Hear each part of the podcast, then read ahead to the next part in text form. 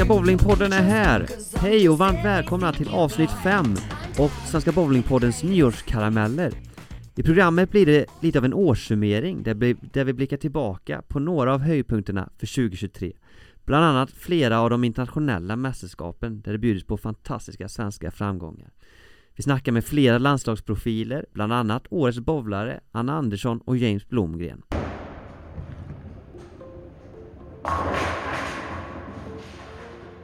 Vi börjar med att kasta oss tillbaka till våren och påskveckan då junior-EM spelades i Wien.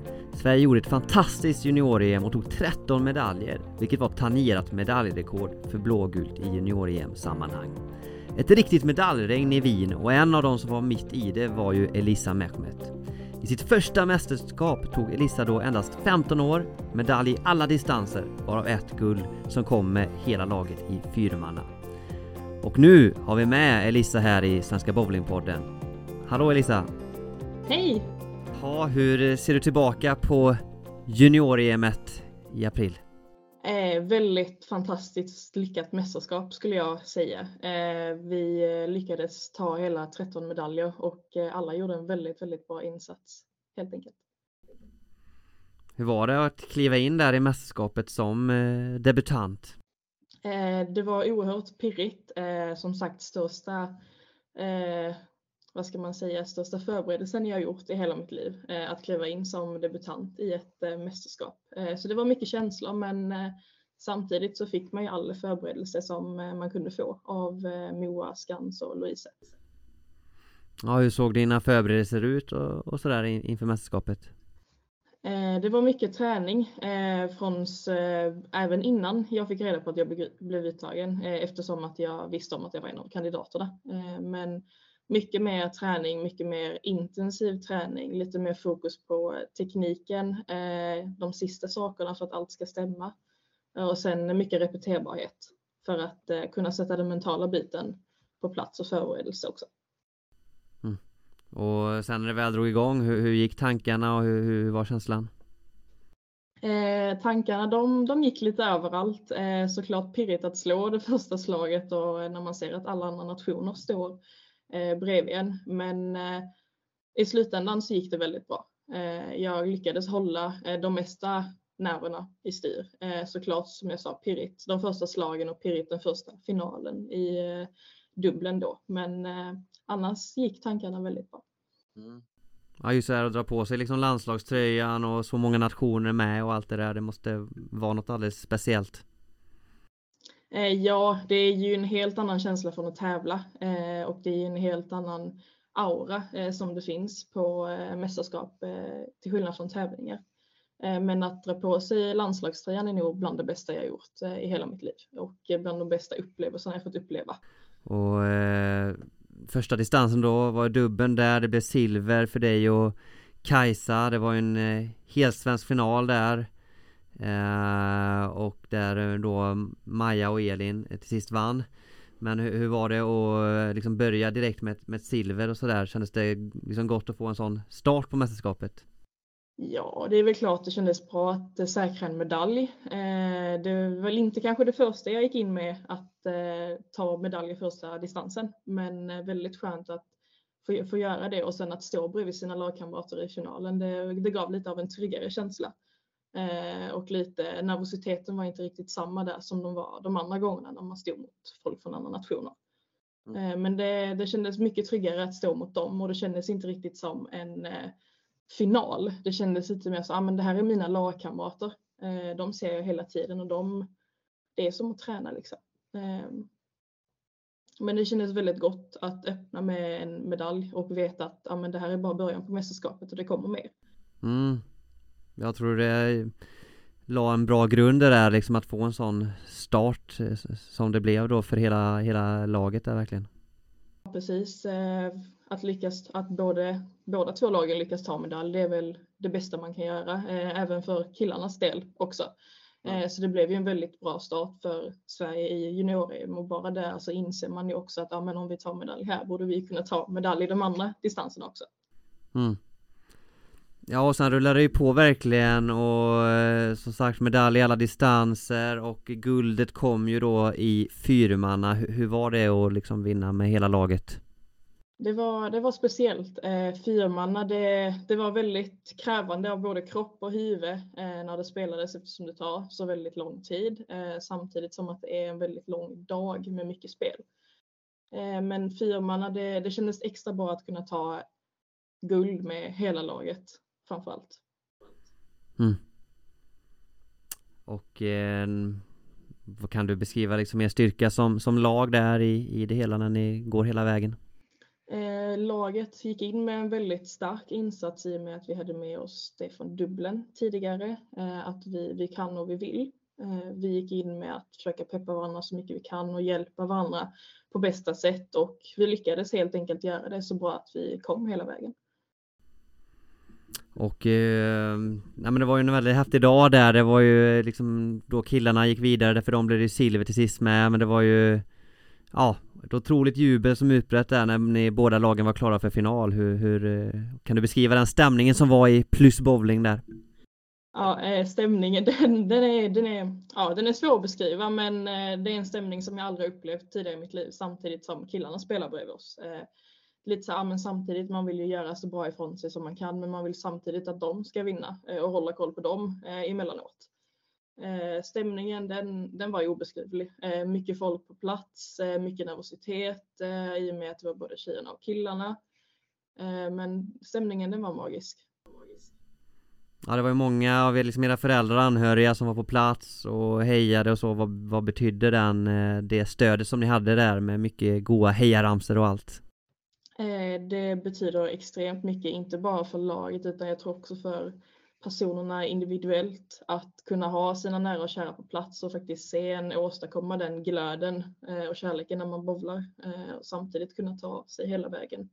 Det betyder extremt mycket samt till alla de som kollade hemifrån eh, och alla meddelanden man får efteråt att man, de liksom har kollat. Det, det betyder väldigt mycket mer än vad man tror.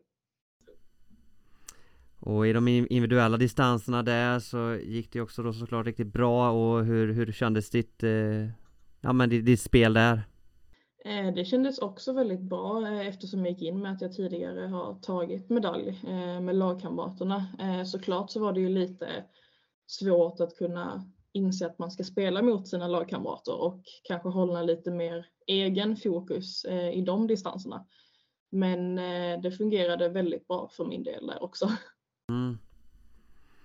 Någon, så som du, någon faktor som du kan peka på mer som, som var till grund till att, att det blev ett eh, sånt eh, fint och bra mästerskap? Eh, ja, det var nog att jag var tillräckligt förberedd. Eh, jag fixade alla detaljer in i det sista. Sen la jag väldigt mycket på att förbereda den mentala biten. För eh, jag visste om att det skulle komma saker där som man aldrig har upplevt innan i och med att man sätter på sig en tröja och allt man gör representerar man i ett land. Eh, så förberedelserna och den mentala biten var nog det jag försökte sätta på plats till 100 procent innan jag åkte. Mm. Eh, och tillsammans då tangerat medaljrekord eh, för hela laget då. Hur, eh, hur var liksom stämningen där i laget och att eh, när ni liksom hade fixat hem så många medaljer? Eh, helt obeskrivligt. Eh, jag hade absolut ingen tanke på att eh, vi inte skulle ta medalj, men jag trodde absolut inte vi skulle ta så många medaljer som vi gjorde. Eh, det är väldigt skönt att kunna åka iväg som debutant på ett mästerskap och göra så bra ifrån sig som man kan. Eh, och det känns verkligen ganska gott inombords också att all träning som man har lagt där har ju spelat roll i slutändan. Vilka är dina främsta minnen från mästerskapet? Eh, jag vet inte om jag har ett specifikt minne eftersom eh, jag är väldigt glad för alla medaljer jag tagit och eh, hela lagets insats. Men fyrmanna var nog, det var en obeskrivlig känsla att faktiskt stå högst upp på pallen efter silvret som jag och Kajsa tidigare tog. Och ditt år i, som helhet om vi blickar lite däråt, hur, hur ser du på ditt bowling, bowlingår ut, utöver EM? Eh, det var väldigt bra. Eh, jag började ju med att spela AIK Ladies och AIK Juniors eh, innan mästerskapet och där gick det väldigt bra för mig. Och det gav liksom också en lite extra boost för att amen, nu, nu har jag ju sett att sakerna sitter på plats i även tävling. Då borde de ju sitta på plats i ett mästerskap om jag blir uttagen också. Så där i början blev det ju ganska bra. Nu under hösten har jag haft en liten dipp eftersom jag har ändrat ganska mycket i min teknik. Men nu när jag är tillbaka i Stockholm för barometerfinalen så känns det väldigt bra eh, eftersom jag har lagt ner väldigt mycket träning de senaste månaderna. Och tillbaka lite till junior-EM, men tänkte på hur, hur gör du det för att ja, men, ladda om då när det är så många distanser och det blir medalj efter medalj att kunna eh, skifta fokus där mot nästa hela tiden? Har du några knep där? Eh, det enda knepet som jag har det är nog att använda Louise så mycket man kan. Eh, Louise är nog den personen som eh, i mitt mentala har hjälpt mig mest genom hela mästerskapet och utan henne hade jag nog inte tagit så många medaljer som jag gjorde och såklart inte utan Robban och Skans, eller Moa och Skans heller. Mm, Louise, Louise Sonne, Louise Sonne mental coach där ja precis och sen eh, Moa Ekström eh, som var förbundskapten då Robin Skans assisterande där ja. Ja, precis. Eh, arbetet som Moa och Robin la ner på oss under mästerskapet, det, jag kunde inte bett om bättre hjälp än vad jag fick eh, där faktiskt. Eh, men eh, den mentala biten, då var det Louise som stod för det mesta och det är nog mitt största knep att finns där en coach som man kanske har lite extra connection med eller någon coach som faktiskt kan hjälpa en i mentala så ta hjälp för att det är lättare att få ut nervositeten än att hålla den inombords Eh, och vad, vad är dina mål nu eh, mot 2024? Eh, träna på, eh, försöka eh, bli bättre och såklart komma med i juniorlandslaget eh, igen för att kunna uppleva de känslorna som eh, jag hade förr eh, där. Juniorlandslaget har ju alltid varit min största dröm och senare seniorlandslaget eftersom jag bowlat i princip hela mitt liv. Ehm, så landslaget är väl en ganska uppenbar grej för mig att jag vill komma med i. Sen har jag ju tränat för att försöka komma med i U21 eh, junior v, eller U21 VM också. Ehm, när jag vet att jag är en av kandidaterna så är det ju klart att man vill försöka visa lite extra och kanske tävla lite mer för att kunna visa att man är en av de som vill komma med. Mm. Och junior-EM-truppen presenterades ju då den 9 januari och eh, mästerskapet sen är slutet av mars eh, där i Helsingfors. Så det, ja, men det är det som är ditt stora mål här framåt då? Ja, precis. Eh, kunna komma med och förhoppningsvis kanske ta lika många medaljer som jag gjorde i min debut för att eh, ja, för att kunna hålla den statusen som jag hade då. Mm. Ja, härligt. Vi eh, ser fram emot här, mycket spännande i bowlingväg och ska bli kul att följa dig här verkligen Elisa Så eh, stort tack för att du var med här i podden och eh, ha det gott så hörs vi. Tack så mycket, ha det bra.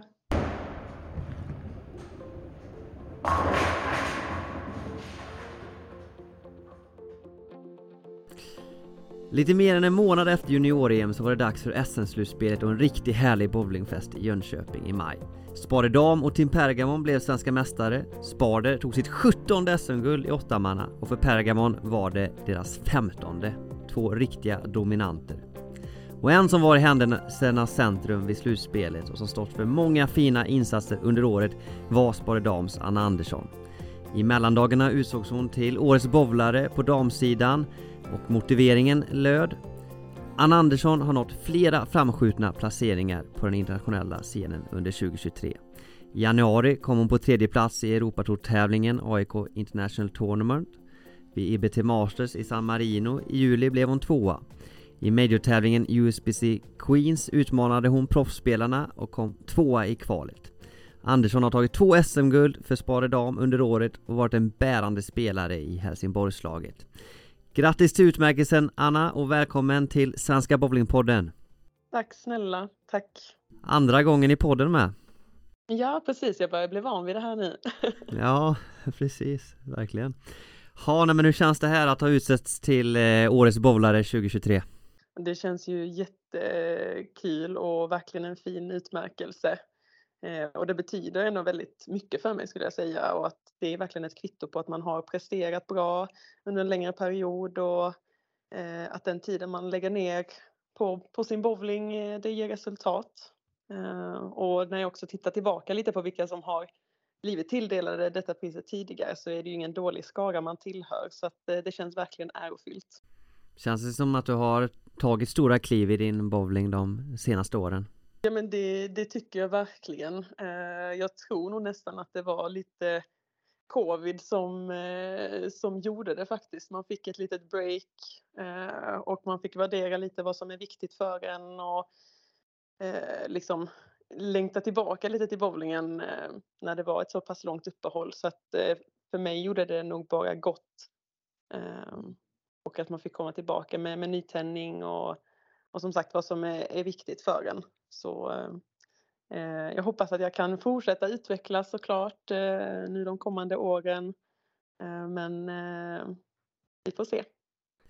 Vilka bitar är det framförallt som du har fokuserat på i träningen och sådär den senaste tiden? Eh, det är nog inget specifikt eh, i, i träningen. Jag har ju eh, alltid eh, haft talang om man säger så.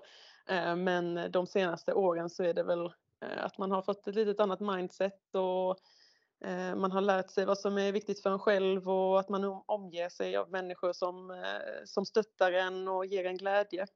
Eh, för det tror jag är väldigt viktigt.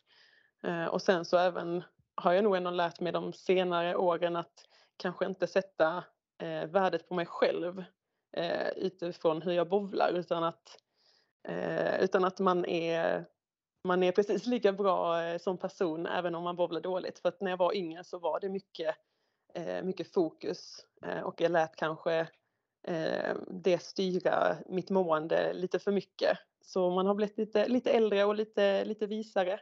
Så ehm, ja, eh, det tror jag är nyckeln egentligen till att det har gått så pass bra de senaste åren. Ja vi säger om det väl, när det väl blir någon sån här tävling som inte riktigt går vägen kan du Kan du släppa det snabbt eller hur, hur eller går man och ältar det länge? Hur, hur är det för dig där?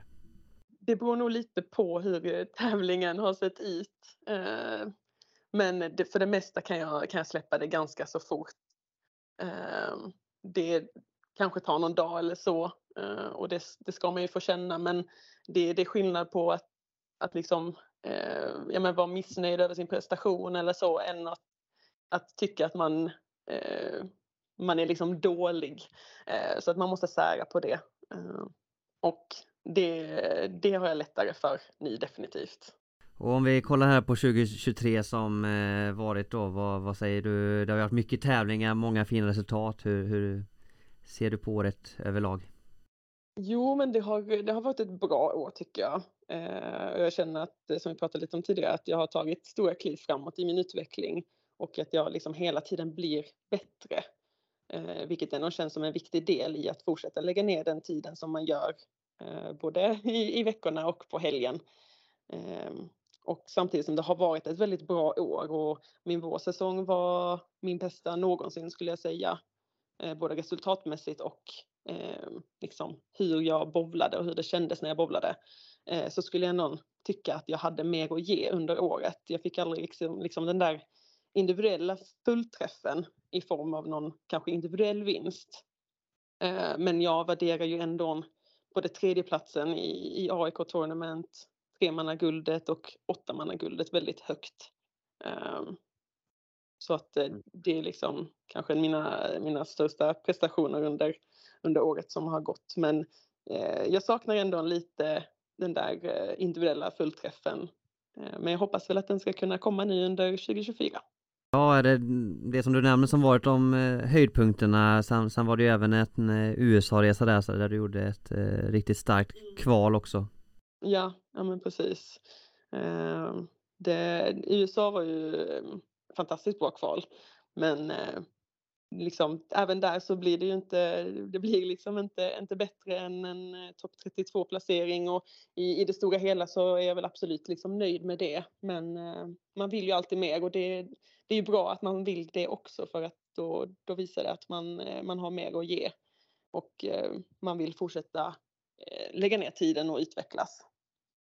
Precis, eh, sporrade liksom det resultatet ändå då i kvalet och att eh, bli tvåa där Känns det som att det sporrar eh, framåt att ta nya Satsa mot eh, PBA-touren igen?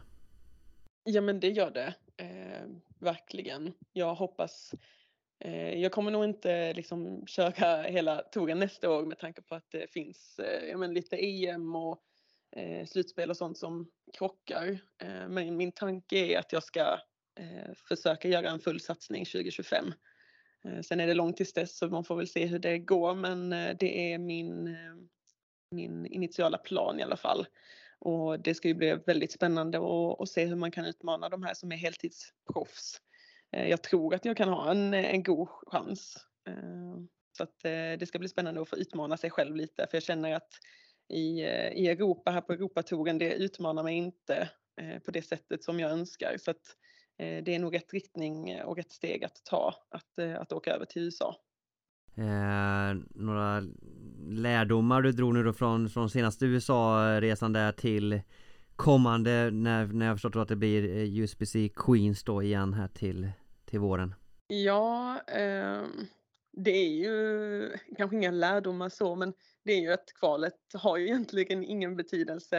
Eh, det är nästan bara dåligt att komma högt upp för att då har man, eh, då har man pressen på sig. Men eh, det är väl att hantera pressen bättre eh, och kanske de förväntningarna som man borde ha på sig själv och, och som andra har på en. Att, eh, att hantera det. Eh, och det lär man ju sig efter varje gång som man är ute och tävlar och, eh, och sätter sig i situationer som man kanske inte har varit innan så lär man ju sig. Och eh, det enda sättet att lära sig det är att utsätta sig för det. Så att eh, ja, jag eh, kan väl inte säga någon mer lärdom så än, än just det. Men får, får se, det är en, en ny tävling, en ny hall och se hur förutsättningarna blir där och då. Och du har ju haft flera eh, framskjutna placeringar verkligen på Europatouren och spelat mycket där. Hur, eh, hur har tankarna gått där i, i att spela på, på touren? Eh, det är ju, man ser inte lika många damspelare annars så på Europatouren det senaste året. Nej, och det är ju väldigt tråkigt att det har blivit så. Det har verkligen blivit en negativ trend. Men jag förstår alla fullt ut som väljer att inte åka på touren när det är som det ser ut med Eh, ett dominerande klot som, eh, som gör kanske att vi dambowlare just inte har möjligheten att, eh, att använda vår fulla potential. Ehm, så att det, det, det, är synd att det har blivit så men eh, man får spela efter spelets regler helt enkelt och jag förstår då att många damer väljer att inte åka istället. Men eh, jag, jag kommer åka på några under 2024. Eh, men inte, inte så mycket som jag gjorde under detta året. Nej. Eh, vilka är dina vad är de stora målen nu här eh, för 2024? Ja, det, vi har ju några damtävlingar i, nu på våren som, som ska spelas och även ett elitseriekval. Eh, förlåt, elit-SM-kval. Och eh, det är väl mina stora Eh, mål att placera mig bra på, på dem och göra en, en bra tävling i, eh, i samtliga. Sen även eh, så är det ju ett SM-slutspel i maj som, som jag ser fram emot väldigt mycket. Att, att kunna försvara guldet tillsammans med laget och även förhoppningsvis då ett EM till, till sommaren som jag hoppas att jag ska bli uttagen till. Men eh, gör jag bra prestationer nu under, under våren så, eh, så finns det ju goda möjligheter till det. Ja, det var ju ett otroligt EM senast då 2022. Vad, vad tror du? Kan det bli en, en repris? ja, det, det är många stjärnor som ska stå rätt för att vi ska kunna göra en lika stor skräll med att sopa hem nästan samtliga medaljer.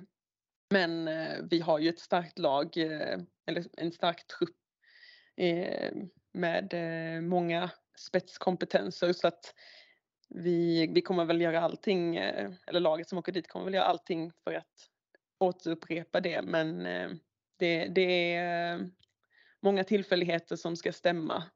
Men det hade varit fantastiskt att få vara med om något liknande i alla fall. Det, det hade varit riktigt coolt. Ja, Härligt, mycket att eh, se fram emot verkligen. Eh, Tack Anna för att du var med här i podden och stort lycka till nu framöver med kommande tävlingar. Ja, tack snälla för att jag fick vara med.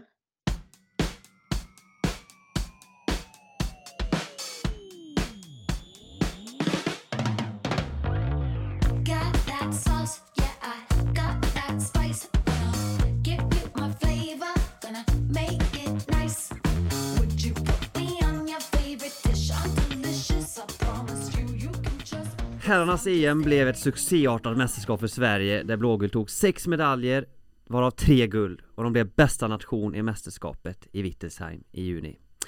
James Blomgren tog fem medaljer och det var tre guld och två silver vilket ledde till att James nu då har utsetts till Årets bowlare 2023 på herrsidan. Och innan vi börjar snacka James så tänkte jag att jag läser motiveringen här för Årets bowlare 2023 James Blomgren stod för ett fantastiskt EM i juni där han tog tre guld och två silver. Hans insatser var starkt bidragande till att Sverige blev bästa nation i mästerskapet. Vi minns framförallt en underbar guldfredag i Wittesheim där James Blomgren först säkrade guldet i All Event för ett par timmar senare bli Europamästare tillsammans med laget i femmarna i sin första PBA-tävling någonsin var Blomgren ytterst nära att nå en stegfinal. Till sist blev det en sjätte plats i PBA Cheetah Championship i april. Grattis till utmärkelsen James och varmt välkommen till Svenska Bowlingpodden. Tack så jättemycket. Ja, vad betyder den här utmärkelsen för dig? Ja men det är såklart eh, jättestort eh, att bli utsedd till eh, årets bowlare på herrsidan i, i ett land som Sverige där, det är, där konkurrensen är mördande minst sagt så är väl det ett kvitto på att jag har slagit en och annan dubbel i år. så det känns bra. Och vi spelar ju faktiskt in här då samma dag som vi har gått ut med att du eh är årets bowlare och vi släpper ju det här kommer ju komma efter nyåret om man säger så avsnittet men eh, När du väl fick reda på det förra veckan, hur, hur var känslan? Jag hade nog inte ens hunnit eh, reflektera eh, över att över att, eh, ja, över utmärkelsen överhuvudtaget utan det, det kom väldigt det kom väldigt överraskande, eh, gjorde det. Eh, men sen som sagt, jag har haft ett, jag har haft ett bra år och framförallt då EM i Wittelsheim då som som den kanske eh, klarast lysande insatsen. Så att eh, det, det känns jättebra såklart att det uppmärksammas. Eh, men alltid väldigt glädjande och hedrande att, att få en sån utmärkelse. Och det är ju andra gången som du blir årets bowlare då, 2021 senast efter ett fantastiskt VM då. Känns det extra speciellt att det, om man säger att det är andra gången nu? Ja, men eh, ja, det, det gör det väl såklart. Eh, det var väl lite grann som som med det där eh, som med VM överlag också att man ville ju Det går ju an att göra ett riktigt bra mästerskap. Sen vill man ju visa någonstans att det inte är någon slags fluk heller utan att Ja, att det går att göra om eh, också. Att jag Att det inte är en Eh, engångsgrej då, utan eh, att jag, eh, ja, jag, vill, ja, men jag, jag vill visa att jag är etablerad i, i toppen av svensk landslagsbowling och att jag hör hemma i ett svenskt landslag och då känns det såklart, ja men det känns ju bra att, att få utmärkelsen en andra gång också. Gör det ju. Och hur ser du på ditt bowlingår i överlag här? Ja, alltså överlag är jag, är jag jättenöjd. Eh, som sagt, e är ju den, den stora grejen. Eh, sen så finns det väl såklart alltid annat som man, som man känner skulle vilja ha gått ytterligare lite bättre eh, också. Eh, alltså det, det, du kommer aldrig kunna spela en hel bowlingsäsong och, och känna att, att allting var helt perfekt utan det kommer alltid finnas något slag här och där eller någon tävling som man kommer vilja göra om. Eh, men eh, ja, det är väl kanske till att begära lite för mycket också. Eh, men det är ju lite sådär det funkar kanske i den här, i den här världen med att man när man sysslar med idrott på den nivån så, så vill man väl alltid prestera så bra det bara går och man vill alltid ha lite mer och det är väl det som är någon slags drivkraft bakom att att jag ändå har kommit dit jag har kommit. Eh, men ska jag summera hela 2023 så är det ju ett jättebra år. Eh, är det. Ja, och eh, ett fantastiskt EM verkligen då i, i juni i Frankrike. Nu då några, flera månader efter så, hur ser du tillbaka på det hela där det blev sex medaljer för laget och då som sagt Där du var med och tog fem av dem? Eh, ja, men det, det, är ju precis som du säger, det är ett fantastiskt mästerskap och en, en riktig supervecka. Eh, det är ju sådär man vill att, att varje mästerskap ska vara. Sen, eh, sen är det väl inte riktigt så det funkar i, i realiteten, men eh, när man väl har den där veckan och när man har stäm och hela laget hittar har, har bra flyt och bra självförtroende, då, då vill man ju liksom verkligen passa på och riktigt slicka i sig det där så gott det går eh, och verkligen njuta av ögonblicket också. Eh, men nej, det var en riktigt, riktigt grym vecka. Eh, det, eh, det är liksom lite svårt att förklara i ord, eh, men eh, ja, det, det känns helt grymt när man är mitt i det där och det känns som att man både, både, som, både som egen spelare och som lag så känns det som att vi, vi kan ta mig fan inte missa liksom, utan det, allting bara sitter. Mm. Något speciellt minne, höjdpunkt från det hela? Som, som känns extra, extra bra, det var ju så mycket såklart. Ja, eh, alltså hela den där eftermiddagen med att först säkra all event-guld eh, och sen gå ut och Alltså först all event-guld med, med nytt Europarekord över 24 serier. Eh, sen efter det, bara någon timme senare, följa upp med att göra 1300 på en femmanna-serie, eh, vilket också är nytt Europarekord. Och det också fått smälla dit en 300 och sen ytterligare timme efter det så att, att få vara med och, och göra den här helt makalösa vändningen mot hemmanationen. Eh, alltså och, och, och, då säkra EM-guld, det är ju Ja, det är några timmar där som är liksom skapligt välregisserade får man ändå, får man ändå säga. Eh, hade nog inte riktigt kunnat eh, drömma om att det skulle, skulle kunna genomföras på ett bättre och häftigare och mer gastkramande sätt. Eh, men ja, nej, ibland så står alla planeterna i linje och så bara händer det. Ja, det var ju makalöst där då du gick från prispallen då, tog eh, guldmedaljen i All Event och sen direkt då eh, till semifinal i femmarna och drog till med en 300 där. Hur eh, var du liksom i ett i sånt flow eller hur, för det kan ju annars kanske vara en utmaning och på något sätt att ställa om där?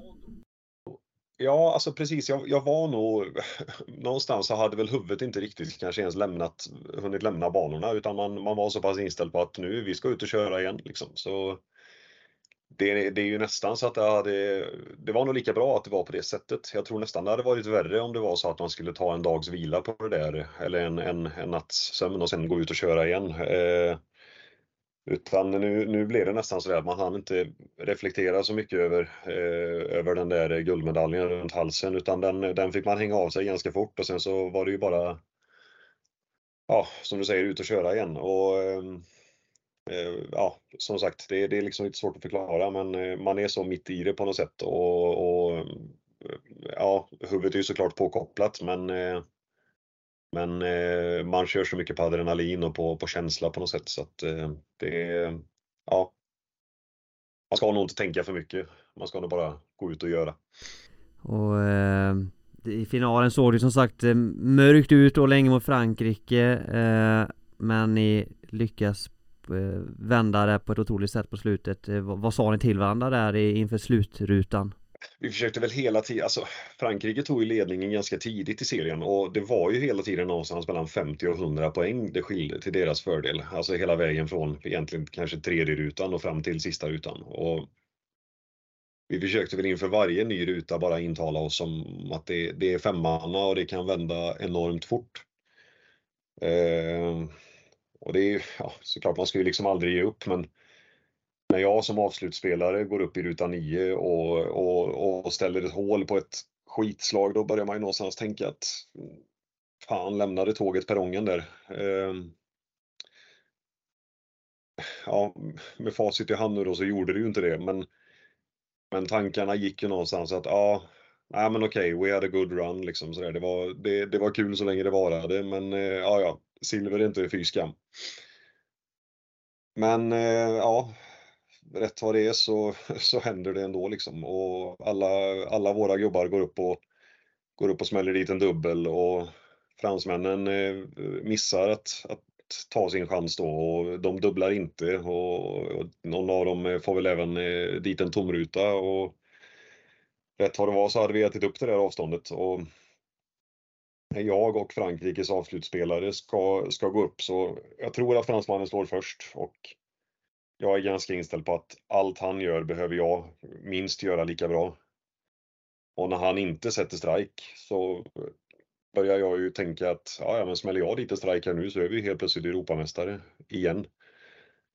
Ehm, och det var kanske inte dagens bästa slag, men det var bra nog för att välta tio käglor och eh, ja, det var ju bara helt osannolikt. Jag bara kände att jag var tvungen att gå ner på knä där och bara skrika ur mig allt jag hade. Ehm, sen fick jag höra efteråt att det hade räckt gott och väl att bara, bara ta ner eh, ganska många käglor. Jag hade inte ens behövt strejka. Så att, eh, men det, ibland så kan det, det var nog lika bra att jag tänkte att jag var tvungen för att ibland kan det vara lite grann av en, eh, en förbannelse det där med att känna att man inte måste, utan det är nog jag tror att man ska vara så pass påkopplad att man alltid ska tänka att man ska gå upp och slå sitt bästa slag. Det finns liksom inget, inget safe, inget defensivt tänk utan eh, lika bra alltid gå för det. Ja, just det. Du, du var ju liksom avslutare hela vägen då och hur var det att liksom få avgöra för, för Sverige? Eh, det är väl något av en dröm för, för alla, tänker jag, att få eh, Eh, Eh, att få gå upp och, eh, och avgöra en lagfinal eh, och bärga ett guld. Jag tror inte det finns någon bowlare i Sverige som inte någon gång har, har föreställt sig den där bilden framför sig, att man, att man står där och ska göra det. Jag tänker, det var ju en sån där grej som jag låtsades lite grann redan när man, redan när man stod och tränade bowling som, som knatte att ja, sätter jag den här striken så vinner jag den här grejen. Liksom. Att det var, alltså man försöker hela tiden sätta sig in i någon sån där situation när man står i en träning och vill att det ska gälla någonting. Och, och att man sen plötsligt står där och att det faktiskt är den där situationen, det är ju, det är ju ganska osannolikt egentligen. Jag, jag känner mig vansinnigt privilegierad eh, många gånger när jag reflekterar över vad, vad jag har fått vara med om de sista åren. Eh, och jag tror att det är ganska viktigt och någonstans både unna sig själv det men också att man, att man faktiskt eh, tar lite tid och, och faktiskt börjar tänka på vad, vad lyckligt lottad man är som har, eh, som har fått vara med om de här sakerna. Eh, och inte, alltså, att, att dessutom då få, få vinna är ju, är ju ännu häftigare men att bara få stå där är ju egentligen superhäftigt. Eh, bara det. Eh, det är extremt inspirerande faktiskt. Och, och få spela de här mästerskapen eh, med, med så pass duktiga medspelare mot så pass duktiga motståndare. Och, ja, bara det hade egentligen kunnat räcka för att, för att samla minnen för livet. Men eh, att dessutom få lämna en sån vecka med, med guld både individuellt och i femman är otroligt stort. Ja, det har ju varit några fantastiska år här med mästerskap och framgångar. Går det liksom att stanna upp och njuta av framgångarna som har varit? Eh, ja, men som sagt, det, det går alldeles utmärkt. Det tycker jag och det är någonting som man måste unna sig själv att göra också. Eh, nu är inte jag en person som spelar bowling på heltid. Jag, jag, man kan ju säga lite skämtsamt att jag är en ganska duktig hobbybowlare, men eh, jag bowlar fruktansvärt mycket, absolut, det gör jag. Eh, men ibland är jag rätt så glad att jag har en ledig helg lite då och då som jag ägnar åt andra saker för att det ger också utrymme för mig själv att, eh, att bara vara och, och ja, det ger också ja, men det ger utrymme att reflektera. Eh, gör det. Och det, det tycker jag är grymt värdefullt. Man ska kunna götta sig i, i, i det man har eh, det man har lyckats eh, genomföra, tycker jag. Det man har lyckats åstadkomma. Men eh, man ska också någonstans ha med sig det i bakhuvudet att den gången, nästa gång man gör en dålig tävling eller dålig match eller dåligt mästerskap så, så har man eh, så kanske det ändå är rätt viktigt att stanna upp och tänka att, eh, att man faktiskt har gjort en jäkla massa bra grejer tidigare. Och du gjorde en häftig debut där på PBA-touren med under våren. Eh, var ju som sagt snubblande nära en stegfinal. Eh, det, har det liksom lockat dig att satsa fullt ut på, på bowlingen, spela heltid och, och köra touren fullt? Nej, det ska jag inte påstå. Um, det där var en tanke jag, jag la bort för ganska länge sedan. Ehm, det, och det handlar väl egentligen inte så mycket om att jag inte känner att jag har konkurrenskraften. Ehm, alltså vi, vi ska, jag, jag, ska vara, jag ska vara helt ärlig. Grabbarna där borta är fruktansvärt vansinnigt duktiga på, och, på att kasta klot alltså. Det, de, det, man, man får åka över dit och möta dem tror jag för att, för att förstå eh, vilken nivå det är. Det är oerhört tufft. Oerhört tufft. Eh, och eh, eh jag vet i mina bästa stunder att jag, att jag kan slå vem som helst men eh, jag tror det handlar väldigt mycket om, om, en, om en mental inställning. Jag tror att jag jag tycker det är kul att, att, spela större tävlingar och mäta mig med de bästa. Det är som sagt inspirerande att bara, att bara möta dem och, och bara känna att man kan vara med och konkurrera. Eh, men jag tror att jag trivs bäst med mig själv när jag spelar bowling för att jag tycker att det är kul. Jag tror inte, eller jag vet att jag inte skulle vilja ha Eh, en relation till sporten där jag känner att jag måste banne mig gå upp och sätta dit dem annars så kan jag inte betala hyran nästa vecka. Och Eh, alltså all, all eh, kudos, all heder till de som, till de som löste det. Eh, superhäftigt. Men eh, nej, jag, jag började bowla en gång i tiden för att jag tyckte att det var skitkul och eh, jag har nog alltid känt att jag, anledningen till att jag fortsätter bowla är för att jag tycker att det är skitkul och det är avslappnande och det är min ja men eh, vad ska man kalla det för? Det, det, det är min eh, tid på något sätt, min egen tid, min passion, min eh, ja, min go-to-grej. Och så vill jag fortsätta ha det. Den dagen bowlingen blir ett heltidsjobb så är jag rädd att det inte längre ska kännas kul och att man helt plötsligt ska börja få lite sådär söndagsångest inför en ny tävling och inför en ny resa. Eh, och nej, eh, då är ju risken att jag lägger av helt och hållet. Det har ju varit eh, mästerskap nu då flera år i rad. 2024 så är det inget för er på herrsidan ja, känns det liksom speciellt och tomt att det inte blir något nu? Eh, ja, ja, det är väl lite speciellt. Eh, jag, jag har ju inte varit någon spelare som har prenumererat på landslagsplatser sedan jag var, sedan jag var eh, junior utan jag har haft en ganska hackad och malen eh, landslagskarriär så att det, det, känns väl inte sådär att, att det helt plötsligt gapar tomt i, i mitt liv och i min kalender bara för att det inte är något mästerskap under 2024. Men eh, eh, det kanske, det kanske gör att jag ändrar eh, mitt tänk kring, kring träning och satsning under det här året. Jag ska ju absolut, jag, ska åka över och spela World Series igen. Eh, det har jag ju bestämt och bokat. Eh, men eh, i övrigt så kanske jag inte tränar och tävlar ihjäl mig under, under sommaren till exempel.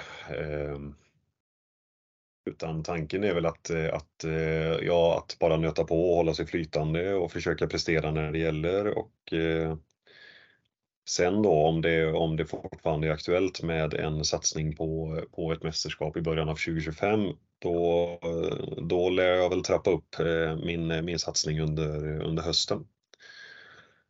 Men ehm, ja, det, det är ändå rätt skönt att kunna planera in lite vila. Det hade jag ju såklart kunnat göra ändå, även om det hade varit ett mästerskap. Men eh, det är mycket bowling på schemat alltså redan som det är. Så att jag, jag, har, eh, jag ska vara helt ärlig och säga att jag har verkligen ingenting emot att det blir ett mästerskapsfritt år heller. Det gör ingenting. Man behöver unna både kroppen och huvudet lite vila inemellan för att man ska få tillbaka, eller rättare sagt kanske bibehålla suget och glädjen i det. Ja, precis. Vad, vad framförallt blickar du emot här nu i bowlingväg 2024? Eh, jag blickar mot eh, PBA eh, i april och eh, jag blickar väl också mot, ja men alltså vi, vi, vi är mitt uppe i AIK Tournament då om vi ska börja, om vi ska ta det kronologiskt så, så är det ju AIK. Sen så på helgen därpå så är det ju, är det ju Ballmaster också i Finland eh, längre fram än så då, förutom PBA, har jag inte planerat i tävlingsvägen utan det blir nog en, en vår där, där jag kanske tar det aningen lugnare i övrigt. Eh, sen har vi ligaspelet då, det är ju alltid med i bakgrunden och eh, eh ja, vi eh, där är det ju grymt eh, tufft i år om, om eh, slutspelsplatserna. Det finns ju ett par lag som har gjort det jättebra och kanske redan mer eller mindre säkrat sin biljetter, men vi är ganska många lag om budet eh, om att ta de sista platserna och eh, det vill till att eh, Team Alingsås gör en, gör en ganska bra vår om, vi ska, om vi ska spela ett slutspel i år. Så att mycket av fokuset kommer ligga där också. Ja, kan man säga att det liksom har hårdnat lite där verkligen? Det är fler lag om det i, i år som kämpar om slutspelsplatserna.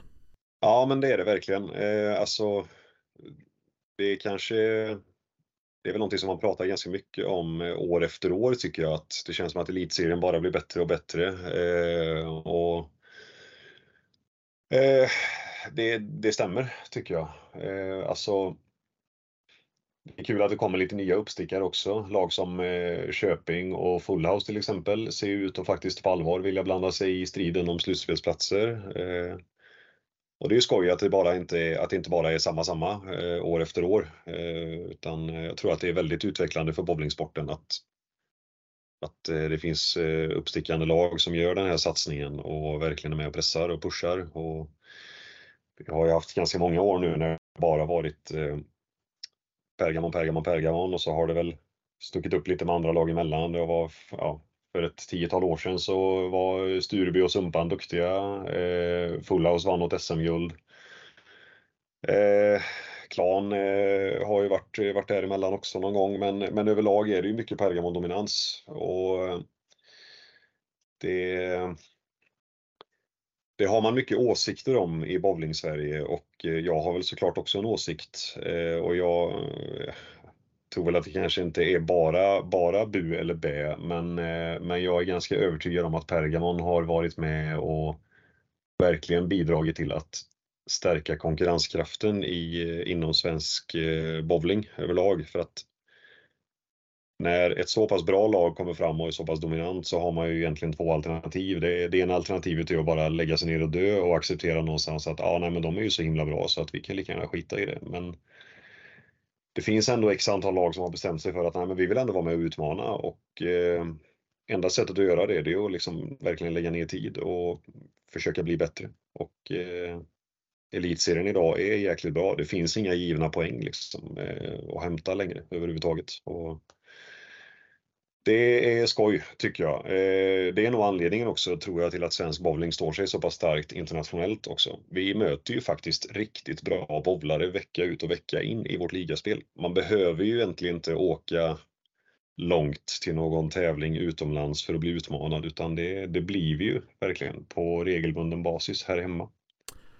Ja, eh, toppen. Eh, med det så Får vi säga tack James för ett fantastiskt eh, 2023 och för att du var med här i Svenska Bowlingpodden. Och eh, lycka till nu under 2024 Ja men tack så mycket Linus, tack själv. Ha det så gott då.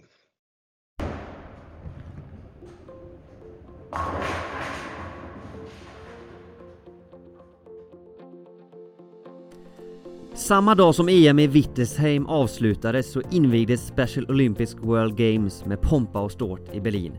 76 000 åskådare och 7 000 aktiva vid Olympiastadion i Berlin. Och vilket mästerskap det blev för det svenska bowlinglaget. Medalj efter medalj rasslade in. Laget tog totalt 8 medaljer, varav 6 guld. För Lisa Nordström Gren blev det guld i alla tre distanserna. Först med laget i fyrmanna, sedan tillsammans med Larry Johansson i dubbel för att sedan avsluta mästerskapet med att ta hem guldet i singel. Och nu har vi med oss Lisa Nordström Gren här i Svenska Bowlingpodden. Välkommen Lisa! Ja men tack så mycket! Hur är läget så här i mellandagarna? Jo men det är bara bra tycker jag. Eh, blivit någon bowling de senaste dagarna? Ja det har blivit lite väl mycket. Okej, okay, har det varit någon tävling eller träning? Eh, både tävling och träningsläger. Ja, ja, ja. Kan du berätta lite mer? Har du varit med klubben eller hur? Eh, jag spelar ju AIK eh, Tournament i, ska vi säga, mån tisdags tror jag det var. Mm. Och sen var det träningsläger igår med farmarlaget då med Raymond Jansson. Och hur gick eh, starten i AIK? Nej men jag får ju ändå vara nöjd för jag brukar ju inte åka och tävla sådana stora tävlingar så jag, jag är nöjd. Var det första gången du spelade den eller har du varit med tidigare? Mm, nej, det är nog första gången jag har varit med och spelat den, ja. Kändes det lite extra speciellt ändå när det är, ja men som du säger, en stor tävling, Europatour och allt? Ja, men det är ju lite skillnad från eh, paratävlingen jag är med och tävlar i, så att det var ju storklart skillnad. Men det var en kul uppfyllelse. Ja, och eh, hur ser du på eh, bowlingåret som varit här? Nej men den, alltså jag är nöjd mina prestationer. Sen behöver jag väl lära mig lite mer på bortaplanerna på när vi har seriematch. Men jag är väldigt, väldigt nöjd över det här året som har gått. Och vi tänkte ju snacka lite extra såklart då om eh, Special Olympics World Games som eh, genomfördes då i Berlin i, i somras här. Hur, eh, hur ser du tillbaka på mästerskapet så här nu när det har gått ja, nästan ett halvår då kan man säga? Nej men det är ett minne för livet jag kommer ha och det var en väldigt stor upplevelse. Så det var riktigt kul att få vara med och bidra med tre guld. Ja och hur var liksom känslan när väl spelet drog igång och sådär? Eh, första, första starten, var det nervöst? Nej, jag var aldrig nervös. Det var mer att jag skulle försöka vara i min egen bubbla när det var så mycket ja, människor och så mycket från olika länder och så. Men jag lyckades hålla i min egen bubbla och det var väldigt kul att få vara med. Har du några speciella knep där liksom för att kunna hålla det fokuset och vara här och nu? Ja, nej men jag spelar ju med de bollarna jag trivs bäst med. Och sen eh, spelar jag väldigt enkelt då. Jag gör det inte så svårt för mig. Och eh, känslan just då liksom att eh, stå överst på prispallen eh, hela tre gånger. Ja, men det, det är svårt att ta in sen att jag fick ju inte veta om jag hade vunnit förrän de väl ropade upp mitt namn liksom. Så att det tog en stund innan jag fick veta att jag tagit gulden i varje klass. Ja, ja. Så det var, eh, ja, det var som en nästan, ja, en riktig överraskning där då. Men det blev det. Så att, eh, nej. Det är ett tillfälle jag aldrig glömmer. Var det att ni, ni fick inte resultaten riktigt då eh, direkt efter? Nej, jag visste vad jag hade gjort men jag visste ju inte vilka jag spelade mot heller så att det var ju omöjligt att hänga med där. Mm. Ja det är klart det var flera olika divisioner och så väl i, i mästerskapet då Anpassat för snitt och sådär Ja Och du var ju med i högsta divisionen väl där i i, var det alla tre distanserna va? Eh, ja, sen var det ju att jag kunde få spela med killarna i singeln. Mm. Men eh, de hittade en tjej till och då blev det ju automatiskt att då hamnade jag i tjejklassen då. Så det var väl en liten besvikelse för min del för jag ville ju spela mot killarna. Eh, har du något så här favoritminne från mästerskapet? Nej men det är nog själva invigningen och sen komma ner till bowlinghallen och den gemenskapen man fick med allt och alla är ju otroligt fint faktiskt. Så det tar jag med mig än idag. Ja, invigningen såg ju oerhört mäktig ut där. Eh, hur var det att inta Olympiastadion där och ja, uppleva den inramningen? Nej men det var, det var det sjukaste. Jag tror inte folk som inte var där förstår riktigt vad vi har gått, varit med om. Eh, så att eh, nej, det är svårt att bara ta in eh, känslan. Och eh, hur var stämningen hos er i, det, i svenska laget? Nej men den var, den var bra ska jag säga. Eh, sen har ju jag att jag måste när jag är iväg och tävlar och så, så måste jag ju gå undan och få vila så att jag umgås inte så mycket med laget. Eh, så det vet de ju om. Så att, eh, men när vi väl umgås då var det väldigt högt i tak må jag säga. Ja, det var flera aktiviteter och så runt om eh, tävlingarna med va? Framförallt dagarna innan och så. Ja precis, en vecka innan var vi i Lübeck och utforskade den staden. Innan tävlingen väl drog igång. Sen var det ju bara tävling i stort sett hela dagen. Och eh, någon mer så faktor som, som du kan peka på till att det, att det gick så bra som det gjorde? Men jag hade så bra, jag hade bra stöd både hemma och när jag väl var där nere. Jag hade många som hejade på mig från andra länder och, och det gör ju väldigt mycket då för mig för ju mer man pushar mig desto bättre spelar jag, så, så är det. Och spelmässigt kändes det som du hade kontroll på det och banorna och profilerna, var det något som var extra utmanande där? Nej, det var väl mer i singeln som var mest jobbig för man är ju van att bara spela med ja, en, eh, en lagkamrat till liksom. Mm. Men nu var vi liksom fem på varje bana och sitta och vänta då, det tar ju väldigt lång tid då. Men eh, och sen så hann jag ju bli sjuk däremellan så att eh, det var ju bara att bita i det sura äpplet och försöka koncentrera sig. Men det var väldigt svårt i singeln att koncentrera sig så det blev lite lägre då i singeln. I början av året så presenteras ju även eh, Team Sweden Para då, första Team Sweden Para för, eh, inom bowlingen här och du är ju med i teamet. Hur, hur är det att vara med där? Nej men det är jättekul och det är jättekul eh, utveckling för eh, parabowlingen så att eh, jag tar en stor ära och eh, jag försöker även få in ännu mer parabowlare. Ja, hur eh, ser du på utvecklingen inom parabowling här de, de senaste åren? Nej men det har gjort en jättestor utveckling och jag är jättestolt att de har lyckats få ihop ett Team Sweden för en gångs skull. För jag tycker att vi också förtjänar att vara, sätta på oss den blågula tröjan liksom. Oavsett vad vi har för personsvariation. Och eh, vad har ni under året här, vad, vilka aktiviteter har ni genomfört i Team Sweden? Nej men vi har ju haft mycket läger för att få ihop eh, teamet och nu under eh, februari som kommer så ska vi ju tävla för första gången i Malmö Open så att det blir intressant så får vi se om det blir några mer framöver.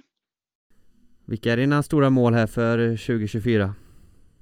Jag vet ju vad jag kan så att eh, jag håller kvar mina mål som jag har och eh, tränar på dem lite, lite bättre och kommer ut att jag ska vara 100% i mina spärr, spärrspel. Är det spärrspel som du vill utveckla och jobba på extra här framåt? Ja, jag känner det jag har förlorat på de senaste tävlingarna så att eh, det är nog det. Är det bara att nöta då eller är det några speciella träningsbitar som du kommer köra för att få till det ännu bättre? Jag kör bara nöta och nöta och så får vi se om det hjälper. Och eh, precis, några andra speciella tävlingar då som du ser, ser fram emot här under 2024? Ja, jag har ju valt att ställa upp i alla damtävlingar som kommer ske nu 2024. Så att de eh, ser jag fram emot. Det blir eh, touren där och elit touren Ja, det är den jag ska försöka satsa på. Mm, härligt. Ja, det låter ju som det blir full fart framåt här verkligen. Eh, riktigt kul att snacka med dig Lisa och eh, tack för att du var med här och lycka till nu under året som kommer. Ja men ha det bra. Tack, ha det gott. Tack. Hej.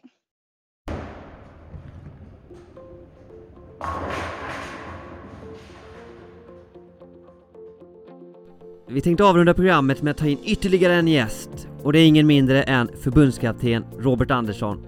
Och det är verkligen förbundskapten han är. Han basar ju för damlandslaget, herrlandslaget, U21-landslaget sedan tidigare och senare under 2023 eh, efter att Moa Ekström lämnade som kapten för juniorlandslaget så har han även tagit över eh, juniorlandslaget. Så vi säger hej och välkommen Robban! Tack så jättemycket! Hur är läget så här i mellandagarna? Jo då, för 17. Nu börjar det dags att packa väskorna igen. Ska upp snart till syofinalen här i Stockholm. Men eh, det har varit en lugn vecka. Det har varit lite krassligt så att jag har varit på hemmaplan och tagit det lugnt en vecka. Det är lite ovanligt för mig men det är skönt att få ladda batterierna. Ja precis, alltså i nästan reseabstinens då va, så mycket som du brukar vara ute och härja. så nu blir det precis barometerfinalen och så eh, lite AIK på det va? Exakt. Sen drar det igång. Precis. Och eh, ja exakt, sen är det fullt ös men eh, Om vi börjar eh, mer och ta 2023 då som varit, hur, hur ser du på, på bowlingåret 2023? Ja, jag fick en liten hint om att frågan skulle komma så jag kollade lite grann på vad jag har gjort för någonting. Och det har blivit 15 större internationella tävlingar, fyra mästerskap och tre PBA-torstävlingar. Och sen har det ju varit lite andra forskningsprojekt och andra saker som går utanför det. Så om man sammanfattar det så är det väldigt, väldigt intensivt år och det har hänt mycket saker.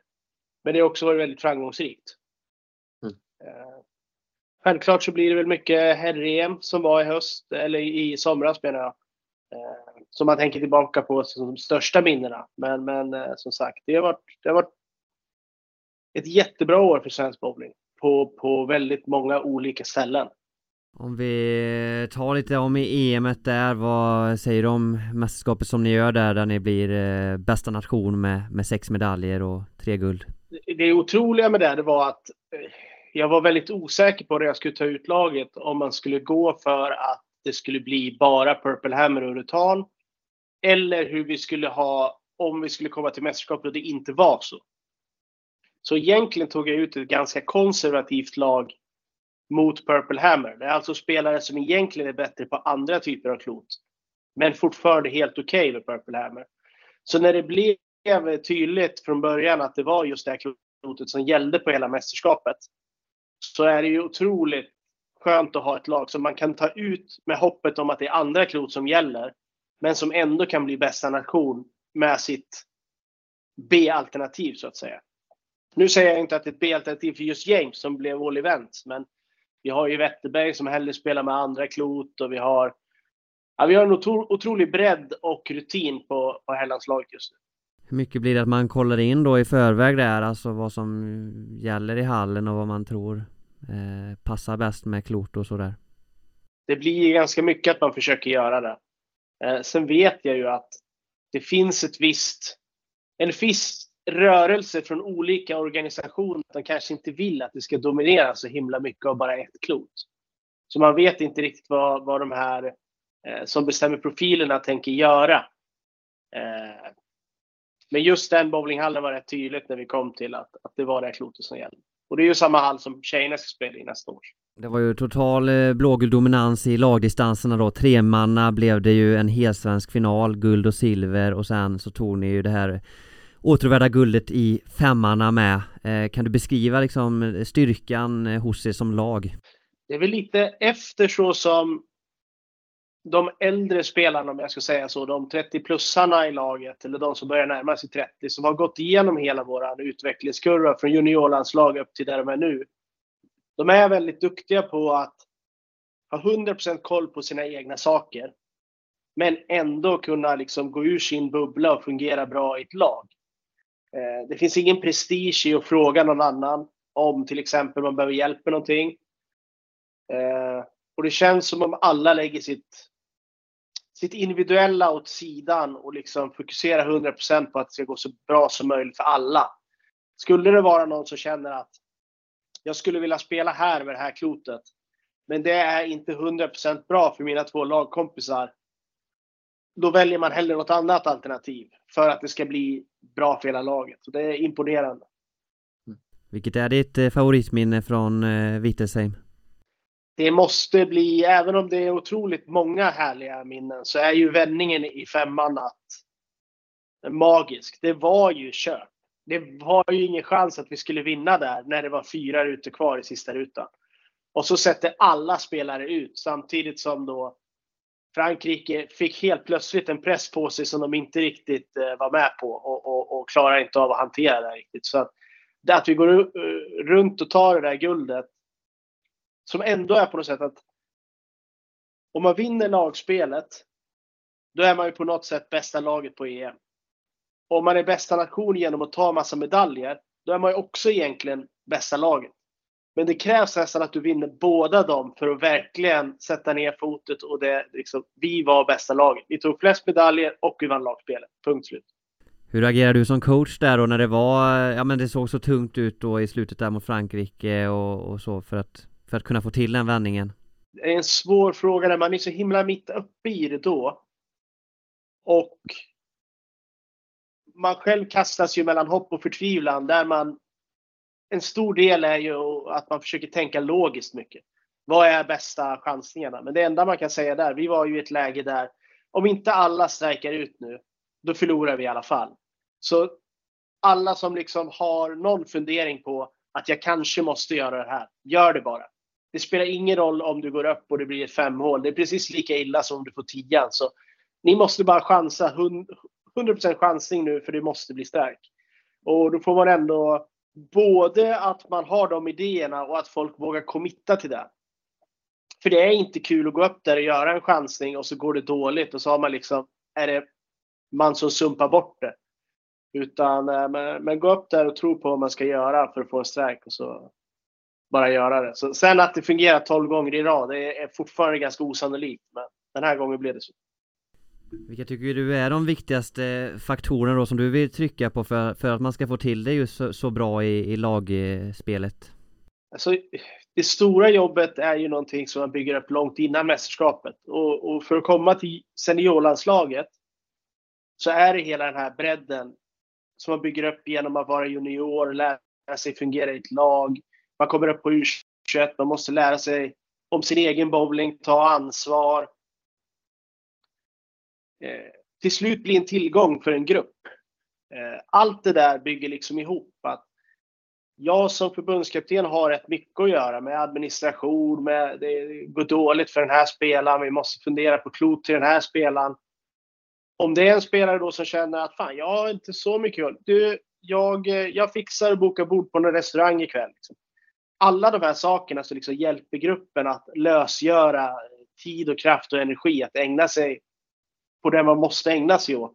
Det är väldigt värdefullt och, och det tar ganska lång tid att lära sig det. Mm. Eh, det, det, tror jag. Och nu har vi ett lag där allihopa är så. Alla, alla sex som är i laget är väldigt, väldigt kravlösa och hjälper gruppen när de har möjlighet. Om vi blickar eh, mer då runt om och året i stort så igen. Eh, vad säger du om våra svenska bowlares insatser så i de internationella tävlingarna? Det är väl egentligen Kim som sticker ut lite grann. Ni har haft ett fantastiskt år på, på internationella tävlingar över hela året. Plus att han också lyckas kvala in i topp 50 på proffstouren. Eh, sen har vi ju haft ett fantastiskt facit i de här nya tävlingarna i arabvärlden. Där, där både William och Pontus åkte ner och kom etta, tvåa och sen Kim åkte ner och vann eh, i Qatar.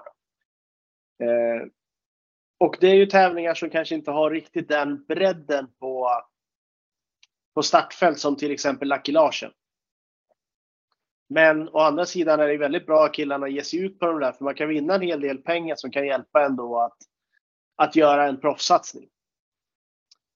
Eh, det har varit lite tungt på, eller tungt är det inte, men det är svårare för damerna att spela Europatouren. För det är så himla dominerat av urutanklot nu. Att det är svårt för tjejerna att hänga med. Det har gjort att vi försöker skapa den här touren till nästa år då, så att det blir en till damtävling och att vi försöker skapa en liten tour i Sverige. Och sen måste vi tyvärr se på att åka till proffstouren eller de tävlingarna i Asien där eh, damer och herrar är uppdelade. Men ja, det är ju ett jättebra år. Vi är ju med och hugger överallt. De unga spelarna är också med där, Karl och Robin framför allt. Ja, och med det så blickar vi mot eh, 2024 här. Vad, vad tror du om året här som vi har framför oss? Ja, men kan vi börja med det som vi vet ska hända. Det är ju att vi ganska snart ska åka till Peru och spela eh, World Youth Cup. Som är en, en tävling med bara en kille och en tjej. Då. Det blir Robin Ilhammar och Nora Johansson som ska åka och spela dem. Sen är det ju förberedelse för junior-EM. Eh, där vi har ett väldigt starkt lag. Eh, med mycket rutin. Sen så är det en del proffstourstävlingar eller projekt i Asien för damerna och sen är det dam-EM. Sen så finns det ett U21-VM på tapeten i eh, juli.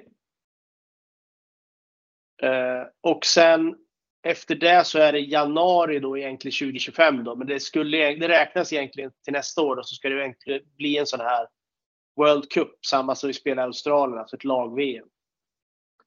Men det är lite långt fram och det händer att det flyttar saker ganska ofta. Den ligger på ganska dåligt ställe i år som krockar med proffstouren. Så vi får se om den blir kvar där eller inte. Men, men eh, från egentligen januari till juli så är det någonting som händer hela tiden. Så det kommer vara, det kommer vara fullt ös igen. Ja, det finns så att göra. Det verkar precis vara riktigt intensivt. Ja, det känns och, som om det har börjat öppna upp sig för rätt mycket saker. Det kommer mycket Europatour-tävlingar i sommar. Det kommer fler tävlingar i arabvärlden. Det kommer fler tävlingar i Asien. Det kommer hela proffstouren. Det kommer mästerskap. Så att det är ingen brist på saker att göra. Och först då på programmet AIK Tournament ja, eh, och sen då Bålmoster är du på plats i Helsingfors där med under avgörande helgen va? Exakt, exakt. Och sen onsdagen efter det då sticker vi till Peru. Uh, precis, hur uh, har du haft kontakt med Nora och Robin här i senaste? Hur är eh, status med dem?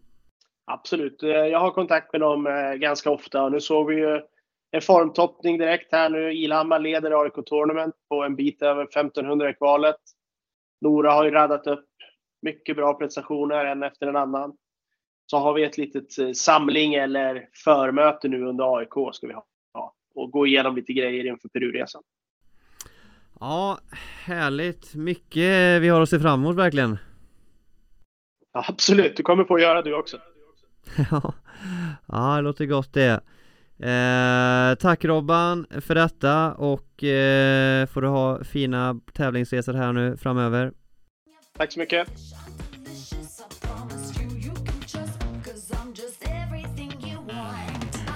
Ja, vilket härligt och fartfyllt år det har varit. Det finns givetvis mycket mer att nämna, men nu har vi fått flera karameller och höjdpunkter från året som varit. Och med det så vill jag tacka för att ni har lyssnat. Kom gärna med tips och inspel eh, på mail till mig på linus.virén.swebowl.se Ni får ha en god fortsättning på det nya året så hörs vi snart igen. Hej!